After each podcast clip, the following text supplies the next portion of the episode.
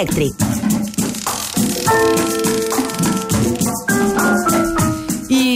Uau, des del xa-xa-xa del col·le, de, de l'amic Àngel Graci- Gràcia, el xa-xa-xa que ens porta ell sempre els dilluns de la nit, Quique Ramos. El xacatxa del tren. Tu què feies per aïllar-te a l'institut, al col·le? A l'institut llegia mogollon de còmics, em masturbava compulsivament, Sí? a casa, No, no, com vulguis, eh? uh, i no sé, els I caps de setmana bevia xiveques no i feies mal fumava a ningú. Mm, bueno, A vegades. a vegades, a vegades sí. Què hem de fer? Doncs no sé si va ser a l'adolescència, però un dia van entrar a la teva vida la banda de la que parlarem avui, el Ruthless, com ho he de dir? No Rat- sé, jo dic, Ruthless, que, jo dic rootless perquè sóc perquè així de xabacano. Perquè però tu eres bueno, de Sant Andreu, no? sí. Aquí. Però bueno, avui us parlaré dels, dels rootless, o ratless, o no sé, si sou anglesos, que, que truquin a algun telèfon així d'aquests Sí, d'oients i, Ruthless. i ens expliquin. Que és un grup que es va crear per parodiar els Beatles i que, de fet, són molt millor que els Beatles. Home, ja m'estranyava a mi. I feel good, I feel bad, I feel happy, I feel sad. I in love?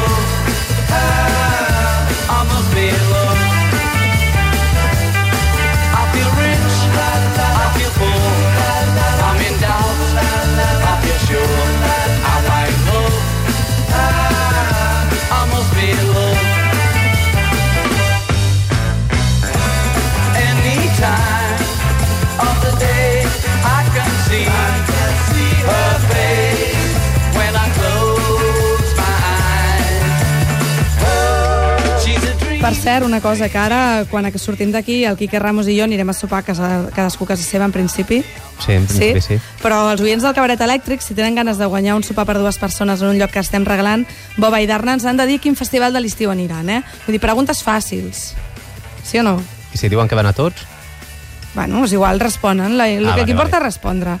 Eh, el Ruthless, tu creus que, que haurien anat a algun festival o no? Bueno, tenint en compte que els rootless eren més famosos que Déu, segurament anirien a tots. Clar que sí. perquè Déu és omnipresent. Ah, exacte. Bueno, els Rattles van, van néixer com un sketch dintre del programa Rutland Weekend Television, que és un programa que va fer l'Eric Idle dels Monty Python, just després d'acabar el, el Flying Circus. Era un programa que feia amb el Neil Innes dels Bonzo Dog Band, que ell feia les cançons així de guassa, i doncs l'Eric Idle protagonitzaven els, els sketchos. Era una, un sketch que se'n fotien dels Beatles, principalment, i va tenir tant d'èxit que de seguida va agafar vida pròpia. Els van vist, trucar del... els van trucar del Saturday No m'he Night llegit el Live. guió, però això ho he vist. Home, és que si no, ja apaga i vámonos. I finalment doncs, va convertir-se en un fals documental i en un dels discos més divertits del món. You're breaking my heart. Ouch. I'm falling apart. Ouch. Ouch. Ouch. Ouch. When we first met, I must admit, I fell for you right from the Doncs el grup estava format per l'Eric Idle dels Monty Python, com hem dit, el Neil Innes dels Bonzo Dog Band, el Ricky Fatar, que va ser bateria dels Beach Boys als 70, que va entrar substituint a, a un dels germans Wilson, i un músic de sessió que va trucar, entre altres discos, al Transformer de l'Urri. Que Déu-n'hi-do, diu- no? Que es diu ràpid. Sí, clar, és que portaven una bona nòmina, tampoc no anaven de ploricons. Portaven una nova nòmina i tot per fer un xiste. Clar, Això és el millor. però Sempre has de contractar els millors. Els Montis Pythons tenien diners. De fet, el qui pagava la broma Qui? era una mica el mateix George Harrison, però bueno, això... De veritat? Sí, això ja ho parlem després.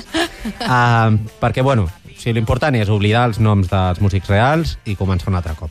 Els Rattles són el Ron Nasty, el Barry Wom, el Dirk McQuickley i l'Stick O'Hara. Quatre joves de Liverpool amb uns pentinats horribles i uns pantalons molt estrets que es creuen amb un manager estrambòtic que odia com sonen, odia les lletres, odia tot el que signifiquen, com es pentinen, però no es pot resistir als seus pantalons.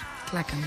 Llavors arriben a l'èxit mundial, s'enganxen al té per culpa d'una trobada amb el Bob Dylan, coneixen el misticisme a través de les taules de Ouija, es barallen per diferències creatives i per bara- baralles d'aquestes d'ego, i finalment es separen. Segurament us sona perquè és història de la música.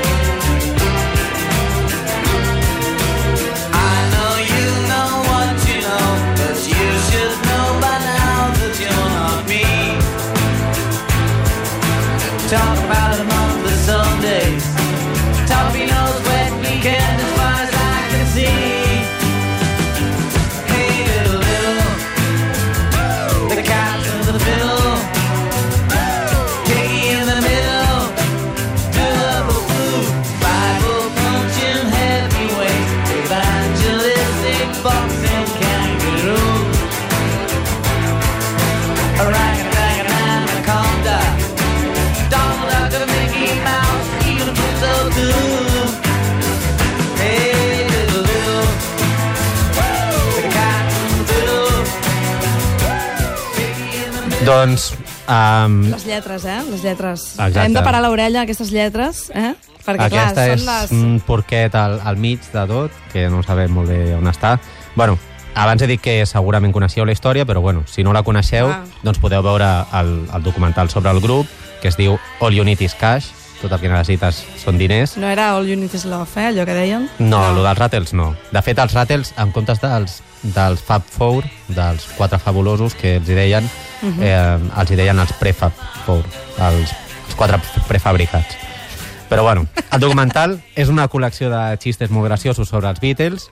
I és Ah, fàcil de trobar o què? Sí, està a internet amb, A amb YouTube. subtítols i tot. Sí. Tot. Si no es pot aguantar. Si no l'ho veieu, ja moriu. sí, sí, és molt fàcil. Si poseu All Is Cash, Rattles... No et sortirà el Deutsche Bank, no et sortirà la cara de Merkel, no? Segur que et surt un anunci d'aquests merdosos just abans de començar. Però De bueno, Norit, però pa, són uns espera't una segons. Al documental hi ha aparicions de Megaluxa, com el Mick Jagger i la Bianca Jagger, surt el Paul Simon, surt el Bill Murray, surt el John Belushi, i fins i tot surt el George Harrison fent d'entrevistador. Um, fent, fent així com un, un cameo. Es diu que les reaccions dels Beatles, quan van veure el documental, van ser bastant desiguals. El George Harrison... Però això que m'has dit abans es confirma, que George Harrison, George Harrison posava la pasta. Sí, sí, era el productor de, I de la llavors, pel·li. què passa? Que no els va avisar als seus amics de que estava Sí, fent aquesta els hi, van, paròdia? els hi va enviar com un vídeo a cadascun uh -huh. perquè, perquè ho veiessin. aquesta. També crec que a aquestes alçades ja no sé si fins a quin punt eren tan amics, però bueno. Uh, el George Harrison era el que més gràcia li feia, evidentment, perquè posava la pasta. Uh -huh. uh, es diu que el John Lennon li va fer patar de riure i fins i tot els hi va donar bastants consells en plan hòstia, aquesta cançó s'assembla massa a una dels Beatles real, llavors és millor que la traieu del disco perquè, Perquè no us denunciïn, el perquè els drets no eren dels. Beatles, si no els hi haguessin deixat, segurament. Uh -huh. El Ringo uh, li feia una mica de gràcia, però trobava que era molt trista, i és veritat, clar, és, és bastant trist perquè surten molt retratats els Beatles, i el Paul McCartney no li va fer cap mena de gràcia. I Quan a li van preguntar I a sobre el partir d'allà va documental... fer pots de tomàquet. Va deixar la música. De fet, és, és una mica graciós perquè ell, quan li van preguntar sobre la pel·li, va dir no, no faig comentaris. Aquesta va ser la seva declaració.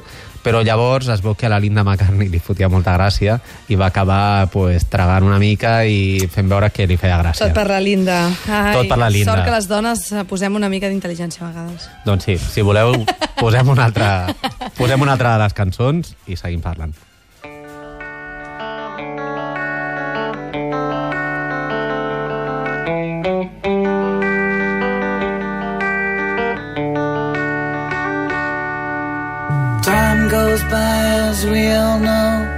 Naturally.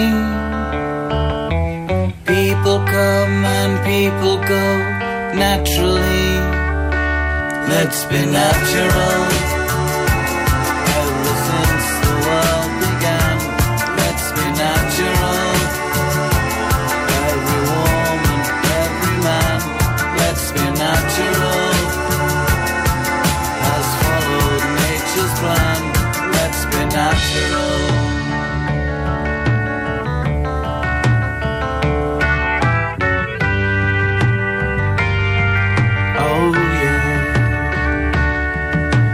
Stars are in the sky above, naturally. People rise and fall in love, naturally. Let's be natural. Però escolta, aquí que les harmonies són brutals, eh? és que està super ben fet. Sí, sí, les castrots que estem sentint formen part d'aquesta banda sonora i és una bestiesa escoltar-les del tirón perquè tot són com còpies de l'estil, de les harmonies de cadascuna de les èpoques dels és que està Beatles. super ben fet. És una és que és bestiesa. eh, màxim un respetec, vull dir, traiem-nos els barrets. Sí, sí. El compositor és el, el Neil Innes, que és un geni. Els primers discos de Bonzo Dog Band són pff, una passada. I llavors, pues, això, Clar, és que imita l'aire, m'imagino que es devien partir. Es partien... Sí, I el Eric Idle, vull dir, l'he vist aquí la foto, mm. i és que, clar, fot cara de pervers ja George Harrison i ara. Sí, de fet ell era l'únic que havia de fer una mica de playback, perquè no, clar. no podia fer aquestes veuetes. No pot ser que a sobre ho faci superbé. No, no, no. I res, doncs, alguna d'aquestes cançons colarien perfectament amb algun disco dels Beatles, i de fet, per mi, aquest, bueno, o sigui, aquest disco Mhm. podria ser el recopilatori. El, de fet, la primera cara podria ser el recopilatori, no sé si és el vermell o el blau, el que Sí. té les cançons més de la primera època, i el i a l'altre. O sigui, per mi és millor que els dos recopilatoris dels Beatles junts. Jo et recomano una cosa, per exemple, aquest divendres 3 de juliol, uh Mhm. -huh. que fa 50 anys de l'Avinguda dels Beatles a Espanya, podries anar a dormir en un hotel a l'Avenida Palace que fan la, la Beatles Suite, allà on van dormir ells i tot, que l'antic Rich. Ho Em presento o amb no? la samarreta dels Rattles i fent Ah, veure que, que estava buscant una altra cosa. Exacte. I vas allà i t'abraces a un coixí. Sí o no? Sí, perfecte.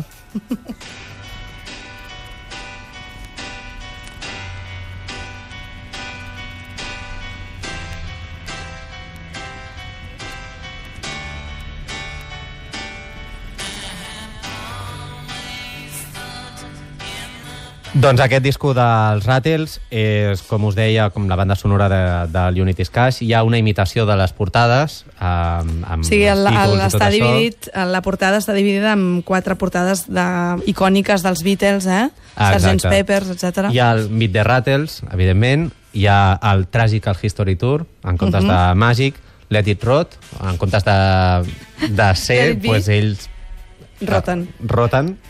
Uh, i el Sgt. Rooters Darts Club Band, el club de dardos del, del Sgt. Rattles. Exacte. Uh, dins, doncs clar, tot, tot en si és iconografia, un, no? és un gran xiste. Um, diuen que és el llibret amb el qual et regalen un disco, Mhm. en comptes del revés. I, bueno, com a anècdota sí que a mi m'agrada, doncs, a mi m'agrada molt el personatge de l'Stick, que és un dels guitarres, és el guitarra índio, que no, no diu res amb, amb tota la peli, i llavors, no sé si coneixeu el misteri aquest de Paul is Dead, que diuen que el, el Paul McCartney estava mort i els Beatles deixaven pistes por ahí, pues, durant tot el documental estan fent bromes sobre això, com si l'Stick estigués mort, i clar, la prova irrefutable és que l'Stick no parla. Ja, I aquests no s'han plantejat mai continuar amb Rattles? De fet, han seguit. Uh, M'han fet algunes tornades. Quan els Beatles van fer l'Archaeology aquest, ells van treure un disco també d'Archaeology i hi ha bastants bootlegs i discos pirates, igual que, igual que, que dels maco, Beatles, dels Rattles. tot. I és molt difícil de trobar els seus discos? Es troben o per Amazon, aquestes coses, o què? Um, hòstia, no ho he buscat mai per Amazon, però es, no Ah, és sí. molt difícil de trobar ni gaire car, tampoc. No? No, D'acord. No, no. Doncs si voleu una còpia, o sigui, si voleu l'Esbaroski dels Beatles, doncs ja ho sabeu. Els Rattles són els vostres homes.